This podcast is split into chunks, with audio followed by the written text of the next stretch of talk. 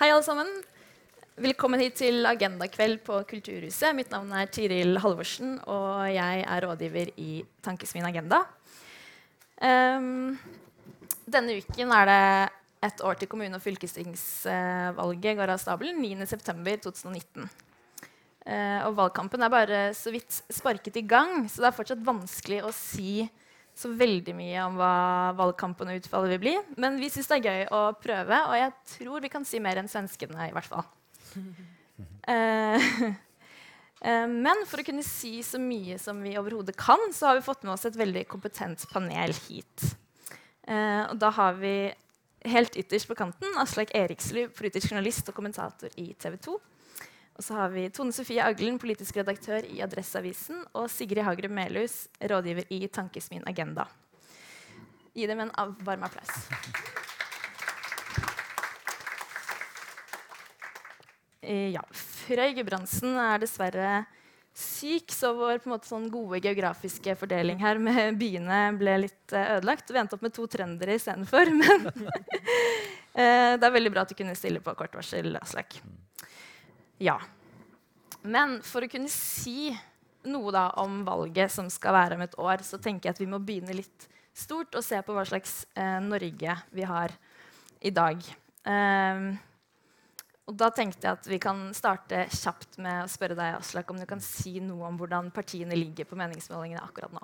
Ja, eh, Vi er jo vant til at ytterpunktene eh, gjør det sterkt, i, eh, hvert fall i våre naboland og andre steder. Men i Norge så er det litt annerledes. Eh, på høyresida er det styringspartiet Høyre som uh, gjør det suverent klart best. Høyre har vært det største partiet på meningsmålingene nå i over et år. Uh, og Den samme trenden viste seg i det kommunebarometeret som vi hadde uh, i august, hvor også Høyre var det klart største partiet. Da lå de på 27% litt under det de ligger, med, ligger på nasjonalt, på i underkant av 30% mens Fremskrittspartiet sliter. Eh, kan jo sikkert ha noe å gjøre med at de sitter i regjering og ikke er på utsida, som veldig mange av de andre si, ytterkantpartiene eh, gjør. Eh, og Kristelig Folkeparti og Venstre har jo sine utfordringer på målingene. Kristelig Folkeparti er jo et parti som fortsatt eh, sliter litt med hvor de er hen, og, og hvor de skal hen, og hva de vil eh, med partiet sitt. og Venstre forsvant jo inn i regjering i våres, og på mange måter så forsvant. Så, forsvant, så forsvant de kanskje litt fra folks bevissthet. I hvert fall. Begge de to partiene måler vi da under sperregrensa eh, nå da, eh, på stortingsbarometeret. Men, eh, men, begge partiene sliter jo også på målingene på kommunebarometeret vårt. På venstresida er det ytterpunktene som gjør det bra. Rødt og SV har eh, dobla seg på kommunebarometeret. Rødt ligger nesten opp på 5% SV ligger godt over 8 eh, og ligner også på de nasjonale tallene. sånn sett. Og et Arbeiderparti styrer jo da mot eh, det dårligste kommunevalget på, på, lang lang tid og vil jo få veldig mange stygge tall og røde piler på valgnatta.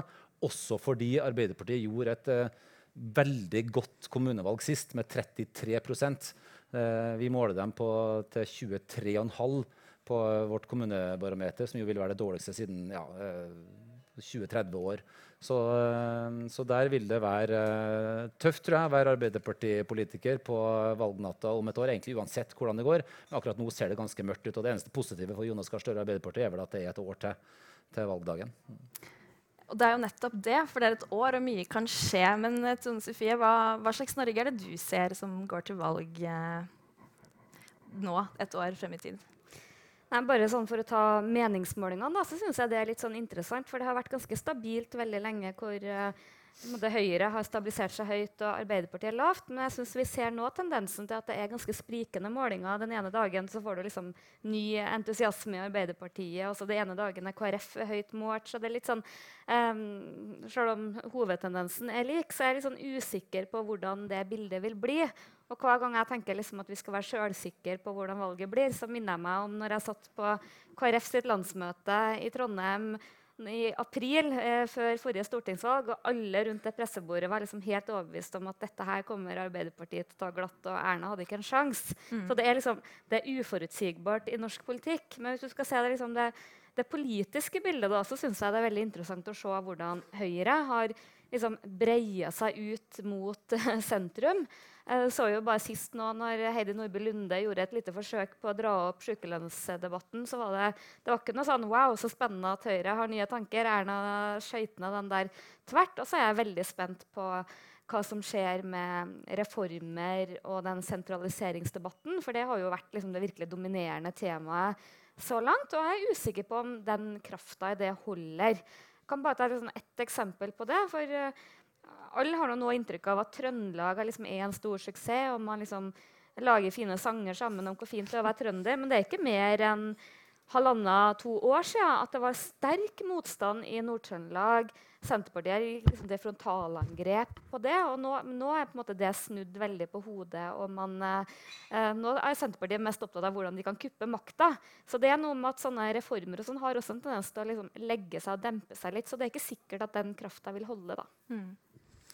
Eh, Sigrid, hva, hva, tenker du at dagens Norge kan eh, eh, si oss om hva slags valgkamp vi får? Ja, altså Det som er, er et eh, kommunevalg. Da er det lokale saker som avgjør. Eh, det vet vi jo fra all statsvitenskapelig forskning på, på, kommunevalg. Men selvfølgelig så spiller nasjonale forhold inn. Det så vi jo i forrige valg, eh, 2015, når flyktningkrisen fikk jo stor effekt på FrPs uh, oppslutning, eller mulighet til å drive valg på sine saker.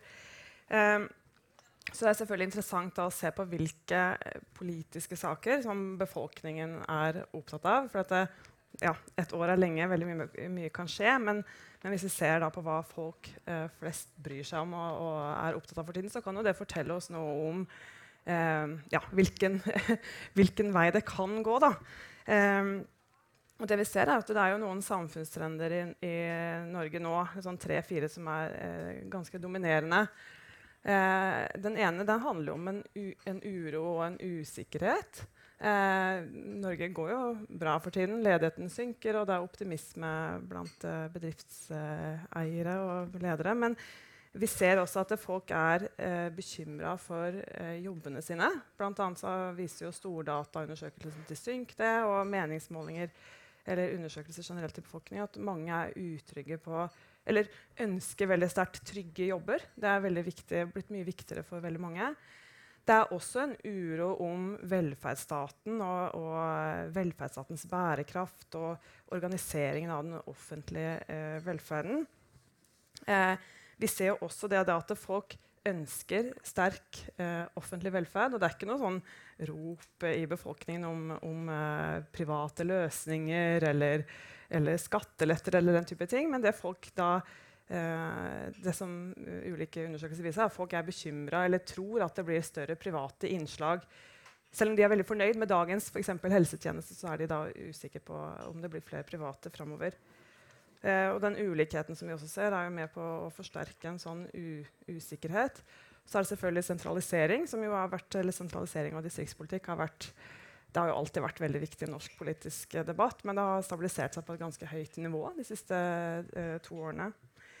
Um, ja, folk er opptatt av velferd, skole, helse og innvandring og justis i kriminalitet. også noe som øker og får større, større betydning. Og så er det her mak makrotrender, men da vil jeg allikevel kunne eh, gå ned i lokalpolitikken. fordi at jobbene, de trygge jobbene det er jo det som folk jobber ute i kommunene. Uh, det er jo der de bor og jobber. Og, uh, og velferden den leveres jo i førstelinjen i, i kommune, ute i kommunene. så det er jo veldig naturlig å tro at det blir viktige saker for mange. Og hvis er, da blir det sånn at temaer som handler om trygge jobber eller velferd og den type ting, blir sentralt, så er jo det området hvor tradisjonelt sett venstre, altså sentrum-venstre har hatt en uh, stor uh, troverdighet, og som kan da kan gi, uh, gi mer positiv vind i seilene. Men det kommer jo an på hvordan selvfølgelig det vinkles, og, og hvem som på en måte tar eierskapet til det. Så peker du på at Høyre har blitt et eller i større grad på en måte forsøker å bredde seg ut som et velferdsparti. og det er jo også undersøkelser som viser at eh, Høyre assosierer sterkere med velferd nå blant i befolkningen enn tidligere. Men det betyr ikke, altså selv om de assosieres med velferd, så betyr ikke det at uh, velgerne mener at de har den beste velferdspolitikken. Så det er to eh, forskjellige ting som, eh, som er nødt til å påpekes. da. Ja. Mm. Men det er umulig å spå. Men det er ja. Ja, Du nevnte jo en uro, og det er kanskje noe vi har, kanskje har kunnet sett noen tendenser til uh, som har gitt utslag på valget i Sverige. Uh, ser dere noen uh, slik, eller Er dere enige med at det er noen sånne tendenser også i Norge, som kan gi seg utslag enten for Frp eller venstresiden? Da? Ja, absolutt. Jeg tror trygghet blir et sentralt begrep i norsk politikk framover. Uh, du er litt inne på det. Uh, og det tror jeg treffer på politikkområde etter politikkområde. Enten det er politireformen og det er snakk om nærpoliti eller, og nærhet til tjenester, sykehusreformen, distriktspolitikk, kommunereform. Alt dreier, hele den sentrum-periferi-diskusjonen som Senterpartiet gjør det veldig godt på, uh, dreier seg jo også om det. Og vi ser jo også hvordan særlig da, statsministeren og Høyre sirkler seg inn på trygghetsbegrepet. Jeg tror det kan bli en kamp eh, i norsk politikk om å få liksom, definisjonsmakta på sin side. Eh, og, og si, eie trygghetsbegrepet. De som klarer det, vil kunne, kunne gjøre det godt. Så eh, det tror jeg er et eh, ja, sentralt punkt ved det vi kommer til å se i norsk politikk framover. Ja, jeg er litt sånn usikker på om jeg eh, deler helt den virkelighetsbeskrivelsen som du eh, beskrev. Jeg, jeg, jeg tenker litt på sånn, Ser vi liksom litt den rustbelteproblematikken i Norge? Jeg tror nok at det er liksom, på, på distriktene at du ser litt sånn, litt sånn anti-elite-opprør. Men jeg er veldig usikker på om det er knytta til for jobber. For i Norge på, på landsbygda så er det jo virkelig jobber, men man sliter med å få folk til å ta dem. Man er jo nødt til å hente inn arbeidskraft f.eks. i fiskeriindustrien. og sånne ting. Så jeg, jeg ser liksom ikke helt det samme bildet i Norge som som vi for gjerne forbinder med USA, da, så tror jeg det er andre ting sånn, knytta til f.eks. sånn eh, rovdyr, innvandring tror jeg, liksom Den krafta i den saken tror jeg ikke vi skal undervurdere. Vi så jo det ved forrige valg, at det liksom gikk opp som den desidert viktigste saken uh, i valget. Mye gikk forbi liksom, både skole, og helse, og velferd og eldreomsorg, som tradisjonelt har vært de viktigste sakene. Og det tror jeg er en sak som jeg tror den ligger latent, men er veldig avhengig av hva som skjer om det, liksom, vi får en ny Storskog uh, eller noe lignende, så tror jeg liksom det at det partiet som vinner valget, da, tror jeg på en måte må treffe med virkelighetsbeskrivelsen sin. Og jeg opplevde at Arbeiderpartiet før eh, 2017-valget prøvde på en måte å beskrive et samfunn hvor det var økte forskjeller, folk var redd for jobbene sine, et kaldere samfunn da, som jeg tror ikke folk kjente seg igjen i. Men Senterpartiet sin virkelighetsbeskrivelse av sentralisering, reformer liksom, Om du kan enig eller uenig i de reformene, så traff de på en måte. For det var liksom litt det folk så skjedd. Så jeg er litt sånn usikker på eh, hva som faktisk vil være sånn temperaturen på Norge. da. Men jeg tror kanskje vi også har en tendens til å overdrive litt betydning av innvandring.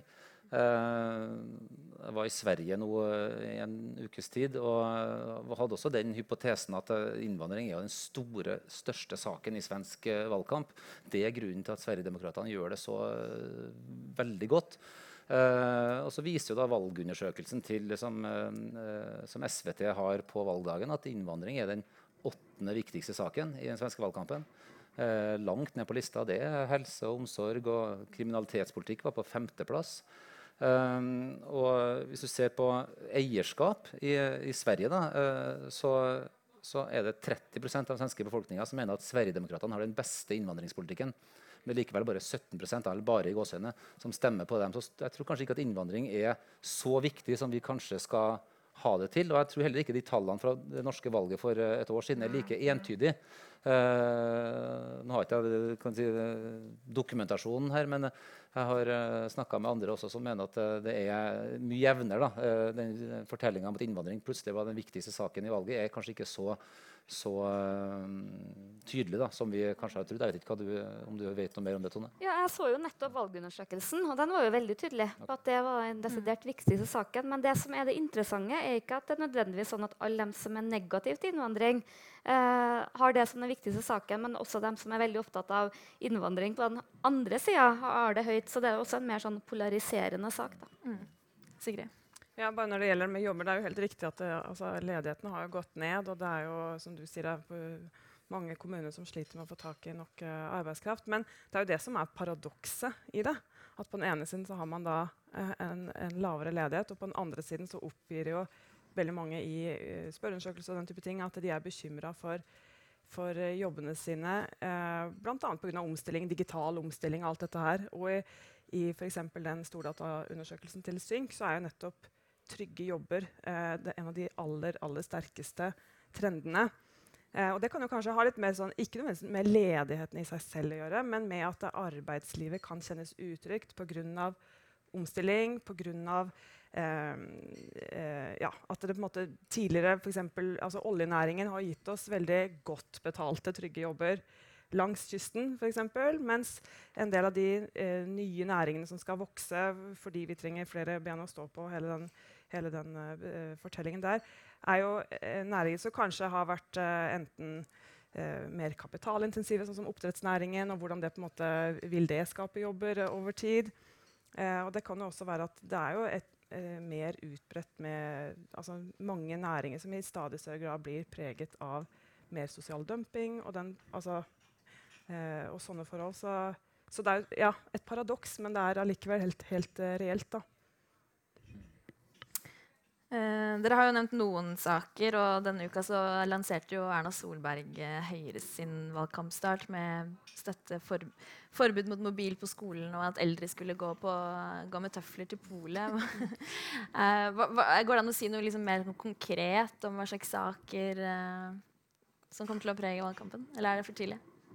Nei, jeg tror nå helt sikkert at det er lurt av statsministeren og andre partier som har ambisjoner om å gjøre det godt, prøve å klare å gjør seg eller kommer på offensiven i de, de, de, store, viktige sakene. Eldreomsorg er alltid en viktig sak for folk uansett hva, hva som preger eh, og, og helse og omsorg og skole er viktige saker. Det skårer alltid høyt uansett hvilke saker som preger nyhets, nyhetsbildet og valgkampene. Så vil vi helt sikkert få et Fremskrittsparti som ønsker å gjøre dette til nok en folkeavstemning om innvandring osv. Der er det jo litt interessant det, det migrasjonsutvalget til Arbeiderpartiet la fram i går. Eh, hvor de ønsker å gjøre, i hvert fall har en ambisjon. Da. Eh, ambisiøst er det, eh, det han snakka om. Litt mer uklart hvordan de skal få det til. Men de ønsker jo da at i den, i den ideelle verden så skal norske kommuner og norske politiske myndigheter sammen bestemme hvor mange innvandrere, flyktninger eller asylsøkere vi skal ta imot i sum i året. Og Det skal bli en diskusjon som skal gjøres mellom kommunene og, og sentrale myndigheter.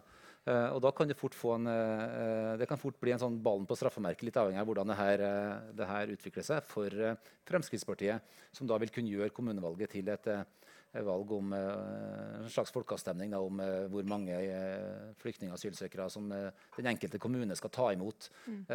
men det er litt tidlig å si ennå. De prøvde jo det for, for, tre år siden også, uten at det uh, funka noe særlig. Mm. Um, ja. Nei, jeg synes det var interessant med skolepolitikken. For uh, Tidlig på 2000-tallet var jo det den liksom, desidert viktigste saken og liksom prega alle debattene. Og det er jo ett politikkområde som virkelig har tapt seg skal vi tro på undersøkelsene, altså den viktigste saken. og liksom, uh, det er i hvert fall jeg ser veldig med det området at der det tidligere var veldig sånn polarisert, sånn ja eller nei til lekser, ja eller nei til heldagsskole, mat, alt mulig, karakterer, mm. så, så, har det på en måte blitt et område som har blitt mye mer sånn uh, tverrpoli... Eller sånn, det er ikke så harde fronter lenger.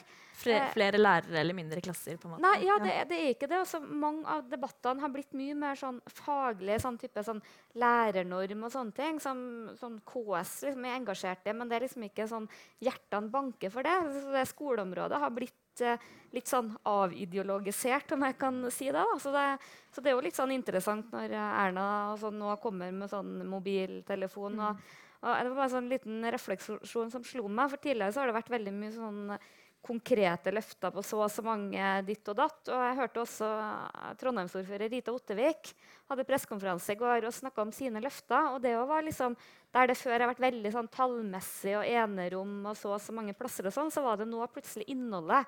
Nå skal man gjøre noe med ensomhet, og man skal få mer livskvalitet inn i eldreomsorgen. og elevene skulle se, Så det virker på en måte som man er liksom litt over på det liksom myke. da. Mm. Sigrid?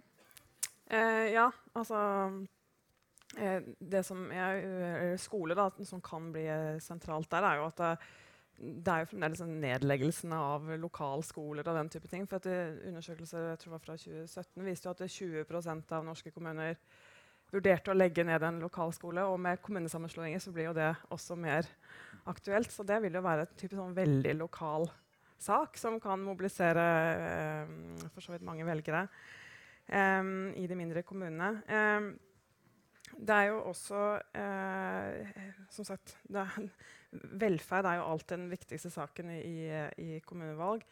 Og eh, når det gjelder helse og omsorg, da, altså Helse er jo også et tema som får, altså som velgerne viser seg gang på gang på gang er utrolig opptatt av, og som ikke alltid reflekteres så mye i den politiske debatten. sånn som du sier, at Det er kanskje andre temaer enn det som får oppmerksomhet i mediene, som er de viktigste sakene for velgerne. Og helse er sånn gjennomgående som, eh, som folk er veldig opptatt av. Um, og hvis man ser nasjonalt, så handler jo mye om, av helsedebatten i, i, dag om også denne skillet mellom privat og offentlig, og hva som er altså helse, den offentlige helsemodellens bærekraft over tid. Vi ser jo det at eh, ni uh, av ti nordmenn sier i undersøkelser at de er veldig fornøyd med den offentlige helsemodellen. Og så er mange da igjen bekymra og tror at det blir et større privat innslag uh, uh, i, i, den offentlige helsemodellen. Og det, og det, er jo mye snakk om todeling av alt sammen. Det er jo mer sånn i spesialisthelsetjenesten. Men den type tema kan jo også bli mer relevant for kommunesektoren og kommuner med pressa økonomi innenfor da, ja, eldreomsorgen. Og så selvfølgelig så er det disse sakene som handler om da, profitt i velferd. Eh, når man ser den Aleris-saken og den type ting, er det jo eh, altså, Det er med stor sannsynlighet saker som kommer til å få eh, bli mye debatt om i, i, fremover mot kommunevalget. Mm. Mm. er det de nasjonale eller lokale sakene som avgjør mest hva folk stemmer? Vet man det? Det er nok helt klart eh, veldig sterk grad av nasjonale innslag, i hvert fall på de meningsmålingene vi ser nå.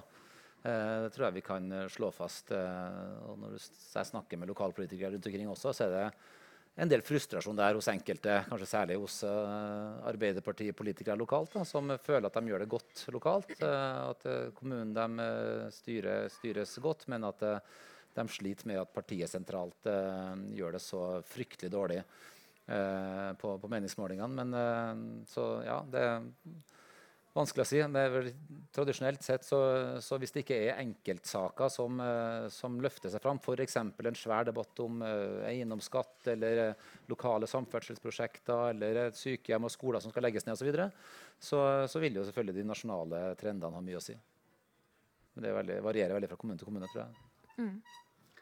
Jeg tror i hvert fall at uh, tendensen har vært at uh, nasjonale trender har betydd uh, mer og mer. Men så er det særlig enkeltsaker som du ser skolenedleggelse, bygging av et dyrt kulturhus kommuner, altså, Den type sånn enkeltsaker med mye sprengkraft i. da, som på en måte kan flytte bompenger i en sånn sak. Som kan liksom, flytte liksom alt til side. så er jeg litt sånn spent på For det har jo vært sånn en tendens til at det mer har vært en sånn nasjonal dagsorden. Men så merker man jo at det gjør noen ting med mediebruken òg. Det kan jo hende at færre ser på debatter på TV-en, og dessverre, kan vi si, da. Men som gjør at det kanskje blir mer fragmenterte eh, valgkamper etter hvert lokalt. Men så er det en annen ting som er veldig spesielt for kommunevalgkampen, og det er at det veldig ofte er et uh, ordførervalg. Og vi ser det i veldig mange kommuner at uh, så lenge at det er en ordfører som er i hvert fall ikke har gjort seg bort, da, en relativt populær ordfører, så gjør de ofte veldig gode valg. Det tror jeg handler om at det er ofte den eneste synlige politikeren, eh, den folk møter, den som er bilde av i avisa, som åpner ting, og den eneste som mange forbinder. Så jeg så i hvert fall det med forrige kommunevalg i Trøndelag, som jeg kjenner godt. Så fikk liksom ordføreren og deres parti veldig gode valg, så lenge det ikke var noe spesielt. Og momentumet kom veldig ofte når uh, når partiene skifta ordførerkandidater, eller hvis, det, eller hvis det var en eller annen uh, grunn til at man har blitt upopulær. Og det ser man jo også. Jeg ser når Sveinung Rotevatn sitter her. Hans uh, heimkommune Eid, der er det vel en venstreordfører som har nesten 50% eller vært veldig høyt. Og jeg tror jo ikke det at det kan hende at det er Sveinung sånn som har en sånn effekt på velgerne i den kommunen, men jeg tror på en måte populære ordførere kan på en måte skape uh, mirakler for sitt parti, også for små partier. da. Siri. Ja. Eh, jeg tok med her en bok som eh, evaluerer forrige eh, kommunevalg, 2015. Det er interessant å lese. Men det den viser, da, er jo at ja, kandidater har selvfølgelig mye å si. Og, og, jo mindre kommunen er, jo mer betydning har kandidatene. Men det som også er en trend over tid over mange kommunevalg, er at de lokale sakene blir stadig viktigere. Og det er på bekostning av kandidatene. Kandidatene blir stadig mindre viktige. Så det som er det, Når man spør velgerne hva var det som var det mest utslagsgivende for hvordan du stemte, så, sier, så er på førsteplass er det de lokale sakene. På andreplass er det en, en sånn generell tillit til, til partiet. Eh, også, og den er jo da nasjonalt eh, forma også. Og så på de to siste plassene så er det da kandidatene og, og nasjonale politiske saker. Eh, man kan jo si at eh, kandidatene har jo Altså, eh, kandidatene er mer sånn Hva skal jeg si eh, det må, være, det må være, en, en, god, trygg, sterk leder. Da blir kandidaten faktisk litt sånn mindre viktig. Men hvis det er fravær av kandidater, så blir det selvfølgelig veldig utslagsgivende. Og vi ser jo det i f.eks. Bergen. da, som, som, er jo nå in, i en eh, stor runde om for de to største partiene, Arbeiderpartiet og Høyre, å bestemme seg for hvilke kandidater de skal ha som ordførerkandidat og byrådslederkandidat. Er jo, da er det i den perioden mye snakk om kandidatene. Og hvis, det, hvis, de feiler, så blir det også mye snakk om kandidatene. Men hvis det er kandidat som fungerer, så er det politikken som eh, blir mer avgjørende. Da. Mm. Eh, hvis vi skal snakke litt om de store byene, da, fordi der det, blir det veldig spennende å følge med fremover. Og sånn som du skrev eh, en kommentar eh, hadde kommet en måling eh, for et par uker siden at det er så mye å ta tak i trondheimspolitikken for tiden at jeg vet nesten ikke hvor jeg skal begynne. er det sånn fortsatt, og hva er det som skjer? Ja, hvor skal jeg begynne? ja, sånn, jeg syns alle storbyene er veldig spennende. Og jeg tror både Arbeiderpartiet og Høyre kommer til å legge enorm eh, prestisje, og særlig Høyre, tror jeg, å vinne tilbake storbyene. For jeg tror det er så utrolig viktige utstillingsvinduer for partiene. Du ser bare Oslo og Høyre-skolen, hva det liksom har betydd for Høyre. da. Um, og jeg tror liksom av, av de liksom fem største byene så tror jeg at Trondheim er den sikreste for Arbeiderpartiet med fortsatt gjenvalg. Men Stavanger er liksom den i andre ytterligheten som jeg tror er den tryggeste for Høyre. Men uh, for å ta Trondheim, da, så, så, er Trondheim utrolig interessant. For den uh, på måte, starta jo på måte hele det rød-grønne samarbeidet starta jo med Trondheim. Og, ble på en måte et utstillingsvindu hvor du fikk SV, Senterpartiet, Miljøpartiet og Arbeiderpartiet. Som var et veldig sånn uh, tydelig prosjekt, og som ble en, uh, en, uh, en sånn forløper til den rød-grønne regjeringa og vært liksom, sånn skrytelista til Arbeiderpartiet. så har det jo skjedd mye, Du har jo noen sånne skandaler i Trondheim Arbeiderpartiet, men hvis du liksom tar bort det, da, så har jo Arbeiderpartiet for hvert eneste valg så har de jo bredda ut sin koalisjon. Ved første valget så var det jo på en måte å få KrF inn i varmen. Og det ble jo på en måte sett på som et litt sånn forsøk på når Arbeiderpartiet begynte liksom den flørtinga med KrF. Og ved siste korsvei nå så fikk de jo både Venstre og Pensjonistpartiet, som består av to Frp-avhoppere i Trondheim, inn i varmen.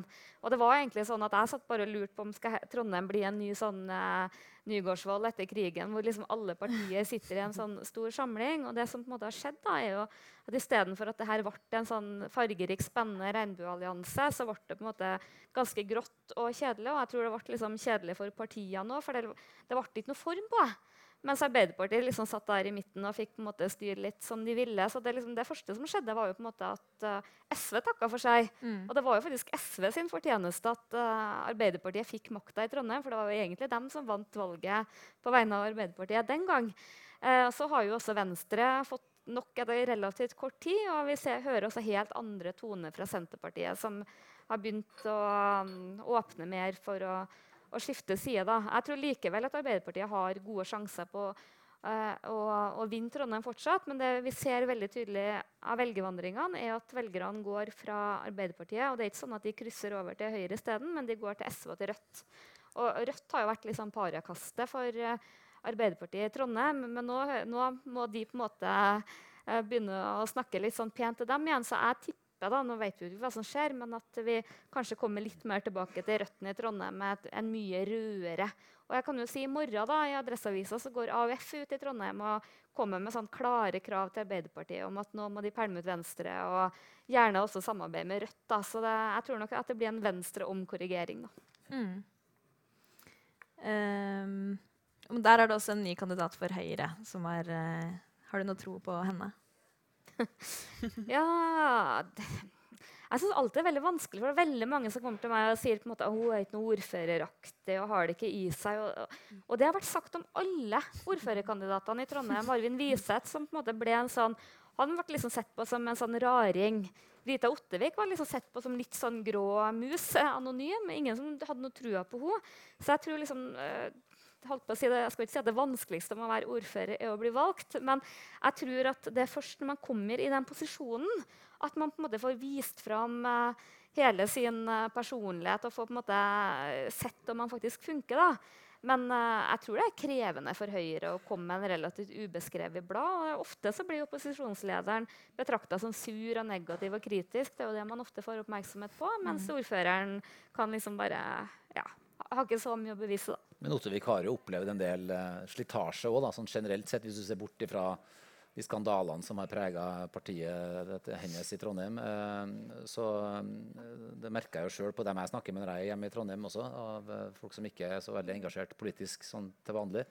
At, at Ottervik sin posisjon er ikke like suveren nå. og Det begynner å bli litt sånn styringsslitasje og litt frustrasjon hos enkelte der over at når hun bestemmer seg for noe, så blir det bare sånn. Og så er det ingen som på en måte Hun hører ikke på andre hvis det, ja, det, det er flere eksempler på det i, i lokalpolitikken. Så, så, det kan jo bli spennende å se hvordan det slår ut også. Da. Men jeg tror nok det er en fordel for Arbeiderpartiet, som, som Tone Sofie sier, i Trondheim. at Uh, Rita Ottevik tar gjenvalg. Hvis ikke så hadde de ikke hatt så veldig mye igjen egentlig i, i Trondheimspolitikken. Arbeiderpartiet med at uh, veldig mange av den underskogen som har vært under, har forsvunnet ut. Da, enten for at de har vært en del av en skandale, eller som du skriver i dag eller i går, vel, eller har gitt opp eller mista litt motivasjon. Mm. Og Det er jo det som er litt paradokset. da, Hvis vi skal ta det bildet av storbyene, så er det jo i Trondheim at Arbeiderpartiet har rota seg mest vekk men mm. likevel har mest sjanse for å bli gjenvalgt. Det er min vurdering, da, kanskje med unntak av Tromsø, som er litt sånn annerledes. Men der òg sliter Arbeiderpartiet. Men,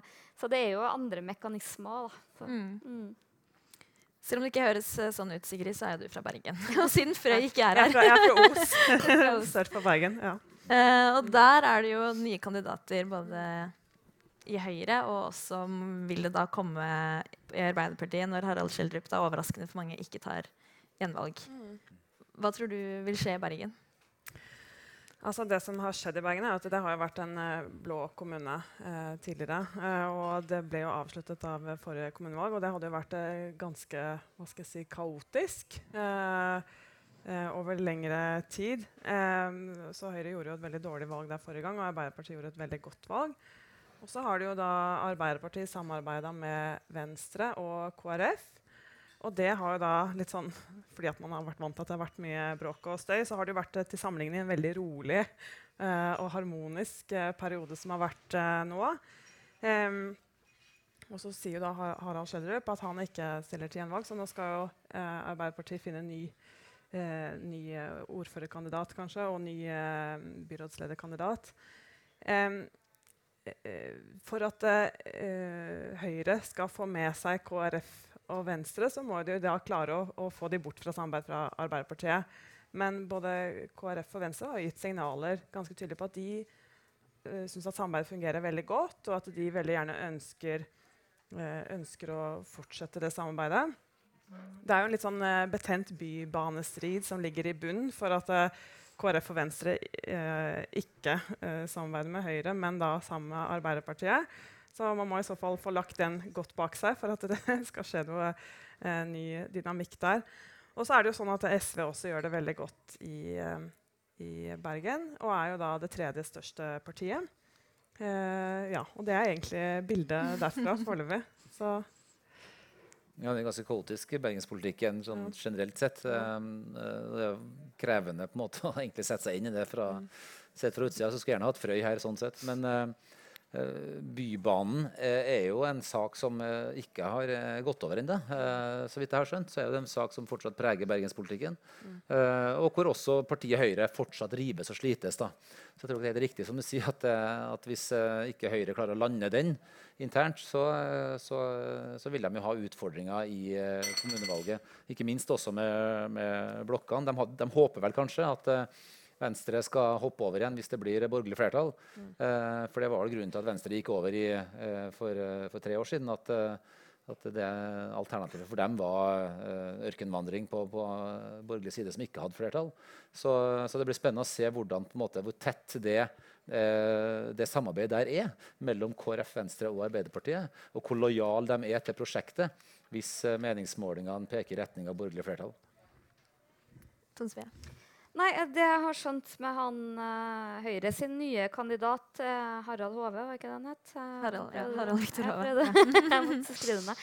at han er en person som har sentrumsappell.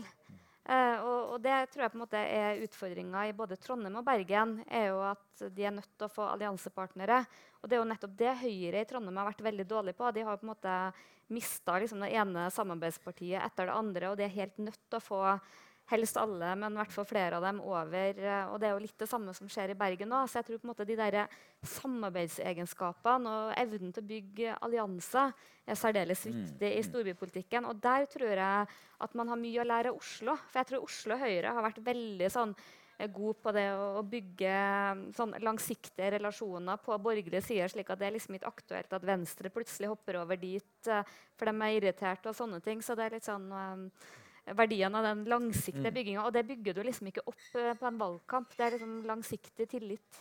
Ja, Det var akkurat det som var greia med Harald Schjelderup eh, mm. for uh, tre år siden. Han hadde jo sentrumsappell. Mm. Eh, og snakka jo til, til, sentrum på, og hadde høy troverdighet i, langt inn i borgerlige kretser i, i, i, Bergens befolkning også. Så, så, sånn sett så tror jeg nok at det er helt riktig. Mm.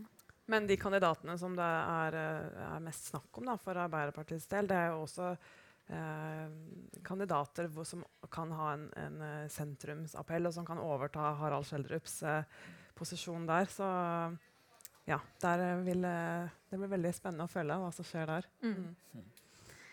Eh, jeg skal bare si at Vi åpner opp for noen spørsmål eh, mot slutten, så dere kan tenke litt på det underveis. Mm.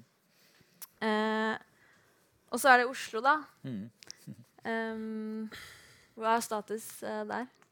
Ja, sier det. Uh, det som slår meg med Oslo-politikken, er jo at uh, man har opp gjennom årene hatt veldig tydelige ledere i, i Oslo-politikken. Enten det har vært Erling Lae eller Fabian Stang eller Nordengen eller for så vidt også Rune Gerhardsen. Uh, selv om han uh, gikk på et tap etter en periode. Uh, det har aldri vært noen tvil om hvem som har vært sjefen i byen. Nå opplever jeg at det er litt tvil om hvem som er sjefen i byen. og det er, det er, ikke noe bra for uh, Raimond Johansen, som jo hadde en veldig klar ambisjon om å bli sjefen i byen. Han ønska til og med å kalle det for byregjering og kalle seg sjøl nærmest for bystatsminister og tydeliggjøre liksom ansvaret. Og, og, det er jo for så vidt prisverdig, det. men poenget med, uh, med Problemet til, til Raymond Johansen er at du må ta den rollen. Eh, det er ikke hva, den, hva, du kaller rollen, det er du må ta rollen, fylle den rollen. Og det syns ikke han har gjort i Oslo-politikken. Det var aldri noen tvil om hvem som var sjefen i byrådet når Erling Lae var byrådsleder og, og Per Ditlev Simonsen var ordfører. Og, aldri, og, og, så var det motsatt da Stian Berger Røsland var byrådsleder og Fabian Stang var ordfører. Da trivdes Røsland mye bedre i i skyggen av Fabian Stang og lot Fabian Stang skinne og være hele byens samlende, samlende leder. Eh, der eh, sliter det nye det rød-grønne byrådet mer, syns jeg. Og i eh, stor grad så tror jeg folk opplever at det er Miljøpartiet De Grønne og Lan Marie Berg og, og, dem som i stor grad driver politikken i, i Oslo. Selv om det faktisk ikke er sånn, så er det den, den oppfatninga som jeg tror veldig mange sitter med i Oslo og ikke minst utafor Oslo. Mm. Uh, men, uh, men det er nok den største utfordringa til, til, det sittende byrådet, tror jeg. Nei, det, er jo, det, er jo, litt urettferdig mot Oslo, for det er jo omtrent det eneste folkevalgte organet som ikke har sin egen lokalavis. Så det å følge Oslo-politikken det, liksom, det, er mye lettere å følge politikken i de andre mm. eh, storbyene. Men eh, for oss som bare ser det med det utenforblikket, så er det fascinerende hvor stor plass Miljøpartiet De Grønne har i Oslo. Og det virker som liksom alt handler om eh, Lan Marie Berg. Mm. Og det ser jo ut på målingene som de på en måte holder stand. Og jeg tror jo liksom Selv om det er sikkert veldig slitsomt å være henne og stå liksom i all den, der, eh, den presset og hetsen, og alt det der, så tror jeg man er ganske avhengig av også å møte mye motstand for å klare å holde trykket. da. Og til sammenligning i Trondheim, hvor uh, Miljøpartiet var, har vært veldig stor og var tredje største parti ved forrige valg og fortsatt har varaordføreren, så har de blitt veldig usynlige, falt veldig på målingene. Jeg klarer ikke helt å se hvordan de skal klare å løfte seg. De har liksom bare forsvunnet inni der. Og vi ser jo også litt den uh, tendensen på målingen nå. Nå er mm. Miljøpartiet et liksom vanskelig parti å måle, for de kan fort gå litt sånn under radaren. Men det virker som de liksom sliter litt med skyggene, bortsett fra i Oslo. Mm. Sigrid? Ja, altså hvis man, uh, Som vi snakket om i sted, da, så at, um, at, det er de lokale sakene som har mest betydning framfor kandidatene. At det, måtte, forholdet har endra seg over tid. Så er jo da spesielt interessant å se på hvilke saker er det som dominerer Oslo-politikken. Hvis man skal si noe om hvordan tror man at dette kanskje kommer til å gå. Eh, og det man ser er jo at bl.a. den klima- og miljødimensjonen er jo veldig tydelig i Oslo. Eh, veldig polariserende. Uh, alt fra parkeringsplasser i sentrum til bomringer og bomstasjoner. Det kom jo var det 53 nye bomstasjoner eller noe sånt i mars 2019. Uh, det, sånne type temaer holder jo på en måte holder det, eller, ja, holder det temaet varmt. da. Eh, og Miljøpartiet De Grønne, den siste Oslo-målingen, så lå jo de på omtrent nøyaktig samme nivået som de endte på ved forrige kommunevalg. Og så er det jo også sånn at Vi ser i, i Oslo at veldig mye av den politiske debatten handler om eller kan på en måte plasseres under en sånn bred paraply som handler om se segregering og ulikhet og nabolag og skoler og alt sammen. Om den delte byen. Enten det er de diskusjonene som var i vår om eh, ungdomskriminalitet og gjenger på østkanten osv., eller om det er om eh, eh, fattigdom eller forskjellige skoleresultater på østkanten og vestkanten osv., så, er det et veldig eh, stort tema eh, som kommer til å også prege eh, valget i Oslo mye. Eh, og Der det jo, kommer det an på hvordan man vinkler den saken. Om man gjør det på, en måte på fattigdom og utenforskap osv., som venstresiden eh, jo, eh, har jo større troverdighet på, eller om det mer da handler om krim kriminalitet og juss osv. Eh, eh, politi og eh, ja, som, som Tor Mikkel Wara bl.a. Eh, kastet seg inn i, i den debatten i vår i Oslo. Og så er det et siste tema som også er veldig stort i Oslo, og det er boligpolitikk. Eh, fordi eh, eh, altså, boligprisene i Oslo har økt veldig. Og den sykepleierindeksen som man ofte viser til, som er en gjennomsnittlig inntekt 500 000 i året for en nyutdanna enslig sykepleier, hva er det man får råd til å kjøpe i Oslo, viser at det, eh, bare på få år så har den endra seg. Nå var De nyeste tallene var vel at eh, en sykepleier kan kjøpe 3% av boligmassen i Oslo. mens for bare tre år siden sånt, så var det 12% Og det holder jo store grupper utenfor boligmarkedet i Oslo. Eh, det er også sånn at De som er innenfor boligmarkedet, har veldig høy gjeld. Eh, og det er jo et problem for både fellesskapet og den enkelte. Og det er, har jo kommet en erkjennelse av at man trenger en mer sosial boligpolitikk. Eh, som ikke bare handler om å, å bygge flere boliger for, eh, for, flere, men at det faktisk må komme mer innovative løsninger. For sånn leie for eie osv. Så, så boligpolitikk er jo sannsynligvis også et tema som eh, kan få mye oppmerksomhet i Oslo. Ja, men boligpolitikk er vanskelig. Eh, veldig mange snakker om det, men det er jeg tror, litt vanskelig og håndgripelig eh, for folk. Fordi boligpolitikken er så, egentlig så utafor politisk kontroll. sånn oppleves det i hvert fall. Mm. at det er det frie markedet. Det, det, er folk som bygger, og folk som kjøper og selger, selger boliger. Og, og det er den som betaler mest, som, uh, som, får, uh, som, får, den. Vi har ikke noe eh, markedsregulering av husleia lenger i, som, som, de har i Sverige, og som vi hadde før. Den type diskusjoner. Som, så det er litt vanskelig på en måte å gjøre boligpolitikken håndgripelig for folk, tror jeg. men jeg er enig i at det er et viktig tema for all del, og ikke minst i Oslo, mm. som, hvor, hvor, ting har gått fullstendig ut av kontroll på mange måter. Men, eh, men, eh, men, jeg tror det, jeg, jeg, klarer ikke å se for meg hvordan politikerne skal klare å gjøre det til en kjernesak som eh, de både bygger troverdighet på, og som de får nok oppmerksomhet rundt. Mm. Klubbfort eiendomsskatt. Ja. Prat. det er litt lettere å forholde seg til. for å si Det sånn. Det, det er jo det, sånn En sak må gjøres konkret. Liksom, ja, helse er viktig, men det er liksom først når tante Olga på en måte kastes ut av sykehjemsplassen. Og, liksom, du må på en måte ha noe sånn konkret å henge det på. Da. Mm. og det er jo da det virkelig mobiliserer og engasjerer. Ellers så på en måte ligger det liksom litt sånn latent. Mm. Jeg tenkte kanskje vi kunne høre om uh, det var noen spørsmål i salen. Eh, dere kan rekke opp en hånd, og så kan Ragnhild Det er en her, Ragnhild. Andre rad. Um, dere snakker om Raymond Johansen i Oslo. Jeg bare lurte på uh, Oslo har jo eneste S-ordfører i landet, så jeg lurte på hvordan dere syns hun har gjort det som ordfører. Er hun synlig nok i bybildet? Hva føler dere om det? Jeg vet ikke. Takk for påminnelsen. Ja. men det var fra utafor blikket. ikke så synlig? Nei, hun har jo et uh, herlig engasjement, hun, men hun har jo liksom ikke lykkes, hun heller, da, på en måte sånn sett å fylle den rollen som, som uh, jeg snakka om tidligere, som tidligere kan du si, ledere av, av byen har hatt. Så, så, hun er jo mye ute og farter, så vidt jeg skjønner, og er sånn sett sikkert synlig for veldig mange, selv om jeg ikke uh, si, når opp i, uh, i TV-ruta eller i uh, avisoverskriftene og den type ting. Så, så jeg, jeg syns det er litt vanskelig å svare på, egentlig. Mm. Noen andre? Hei, hei. Takk for spennende tanker.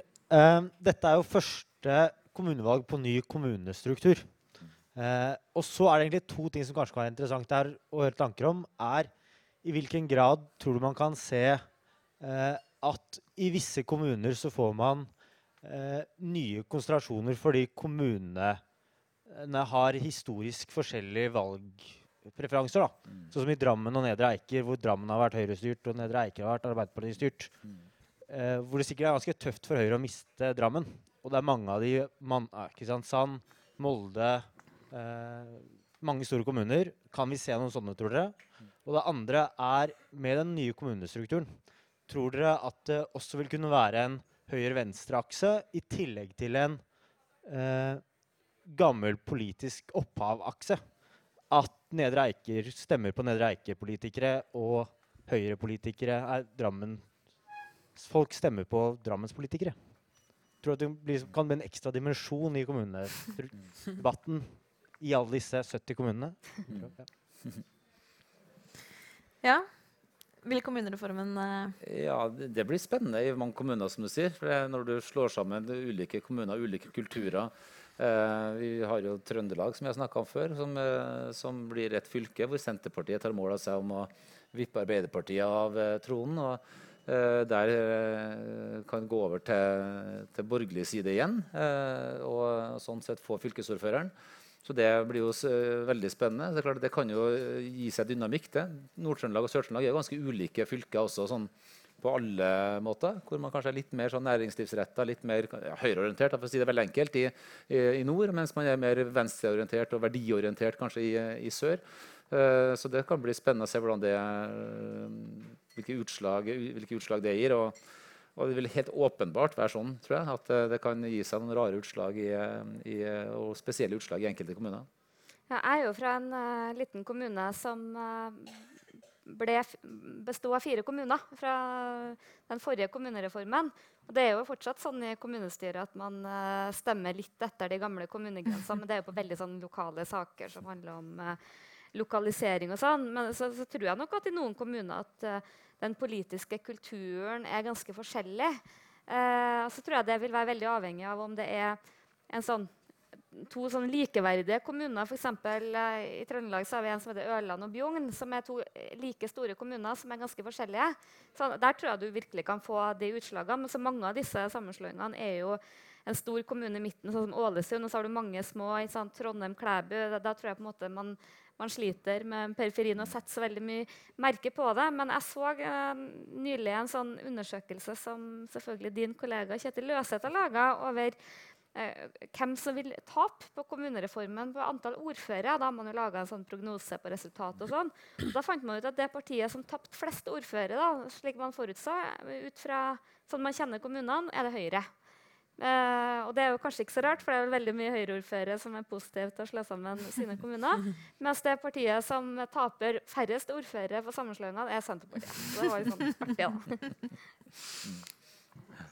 Så det er jo spennende å se hvordan eh, den regionreformen slår ut. Nå er jo den ballen på en måte i Stortinget og, og på nasjonalt nivå. Men der er det jo eh, friksjon og bevegelse og dynamikk. Eh, så hvis man ikke har landa den saken inn mot lokalvalget neste år, så kan jo det bli en svær sak. For disse fylkene skal ut, mange av dem skal jo slå seg sammen før i 2020. Så det er liksom fortsatt en prosess som er i, i gang der. Så sånn sett så, så, tror jeg det også kan være en X-faktor på regionalt nivå. Kanskje vi kan få litt interesse og, og føss rundt uh, mot uh, fylkesvalget også. Det tror ikke jeg det er, man er så vant til i, uh, lokalt heller. Nei. Jeg så ett. Og det var kanskje den der. Ja. Nei, det er vel sikkert at det som får oppslag, det blir jo lagt merke til. Og det er i grunnen mitt spørsmål. fordi at det er vel bare Erna som uh, får de store oppslagene på å reise rundt og gjøre de hyggelige tingene. Ellers er det vel gjerne uh, en del negativ omtale. Det er liksom uh, litt på krise og katastrofe og ting som ikke fungerer. Og hva tror dere om hvor stor betydning det har for valgutfallet? Sigrid? Altså, det som jo har vært en tendens, i hvert fall sånn når man ser det bare som følger det som en vanlig velger ved valgene de senere årene, er jo at det blir stadig mer snakk om meningsmålinger og samarbeid. Og det, VG for eksempel, har jo nå hatt så vidt jeg har registrert, da, tre saker om uh, Ernas uh, turné når hun har starta valgkampen. Og den ene handla om hvilke saker de mener at uh, lokale høyrepolitikere skal gå til valg på. Som er det eldre og og mobilbruk osv. i skolen. Den ene, andre handler om, eh, om eh, samarbeid. Mulig samarbeid med Senterpartiet, og hvor, hvilke partier skal samarbeide, og hva mener Erna om det. Og den tredje handler om da, menings, meningsmålingen. Så det er liksom to av tre saker som handler egentlig om noe annet enn politikk generelt sett. Eh, og jeg tror jo det at eh, det vi også ser, bl.a. evalueringen fra, fra, forrige kommunevalg viser, er at velgerne bestemmer seg stadig seinere. Stadig flere velgere som sitter lenge på gjerdet før de bestemmer seg hvilket parti de, de, de stemmer på. Og eh, en kombinasjon da, av kanskje et fragmentert medielandskap, som du var eh, litt inne på, som jo endrer seg også for hvert valg. Det blir stadig mer som sagt, eh, fragmentert mellom store og mindre aktører og digitalt osv. Kombinert med at mye av den politiske debatten handler om, mer, altså om annet enn politikk, men veldig mye meningsmålinger. Eh, og hvis da noen partier gjør det dårlig, så må de svare veldig mye på hvorfor de gjør det dårlig hele tiden. tror jeg kan bidra til å forvirre eh, velgerne i større grad. Da. Så ja. ja jeg bare kan ta tak i premisset ditt litt. da. Jeg opplever ikke at eh, vi bare gir eh, Erna Solberg positiv omtale. for å si Det sånn. Eh, det har ikke mangla på krevende saker for statsministeren det siste året. Med alt ifra metoo og bråk internt i regjeringa med Sylvi Listhaug og, og, kritikk mot Erna. At hun kom for sent på banen, og nå sist med, med objektsikkerhet og terrorberedskap og Per Sandberg og, og sånne ting. Det har jo vært det har jo virkelig blest vil jeg si, eh, mot statsministeren. Men så har statsministeren åpenbart håndtert det på en måte som, eh, som hennes velgere har vært fornøyd med. For uh, målingene har jo gått bra og går bra for, uh, for, statsministeren. Og det er jo gjerne sånn at statsministeren får et slags styringstillegg. og klart Forslag som kommer fra regjeringa, har en større på en måte verdi fordi det er, det er nærmere å bli hverdagen til folk enn kan jeg si, løse forslag fra, fra, opposisjonen. Sånn er det jo alltid, uansett hvem som styrer. Så, så, men jeg vil si at statsministeren er jo på en måte i en flytsone, ja. Men jeg tror ikke det er Eh, vi som på en måte løfter fram sånn sett. Jeg tror jeg og mine kolleger gjør det vi kan vi for å være kritisk mot uh, makta og ta skalpen på makta på vegne av den uh, lille mann og kvinne. Så, så det bildet er nok litt, litt sammensatt. Så en ting som jeg er liksom spent på, som kanskje har liksom gått litt under radaren, er at jeg tror vi tenker veldig mye på medieoppmerksomhet. og Siste året har vi jo bare gått fra skandale til skandale, så det har jo på en måte vært et veldig rart år. Men det jeg ser at partiene prioriterer høyere og høyere, det er jo personlig kontakt. Og det å banke på dører og Tidligere har det jo vært sånn at det har bare vært noen få store som har gjort det. I Trondheim har jo alle partiene stått på ja, på, Nordre heter det i Trondheim. Dere er vel i Spikersuppa eller hvor det er med hver sin bod. Jeg tror på en måte ikke det er der de flytter veldig mange velgere. Men jeg tror flere og flere ser at det å gå og oppsøke folk på dører og ta den direkte kontakten Og det tror jeg på en måte um, Jeg vet ikke effekten av det, men jeg, jeg, tror at den kanskje er mye større enn mye annet vi gjør. Og det er også en utfordring for de veldig små partiene. For det har vært noe som tradisjonelt Høyre i Oslo har vært veldig god på. og Arbeiderpartiet i Trondheim har vært Man vet jo egentlig ikke effekten av det. Det, det finnes så lite undersøkelser på akkurat det, hvor mye det faktisk har å si. Mm. Det at du ringer på og banker på flere hundre tusen dører, som uh, enkelte gjør, er jo ganske voldsomt. Men uh, de har Jeg tror det er en grunn til at de det brer om seg. Ja, det brer om seg, helt åpenbart. Mm. Yes. Uh, bare sånn avslutningsvis, hva slags valgkamp håper dere at vi får?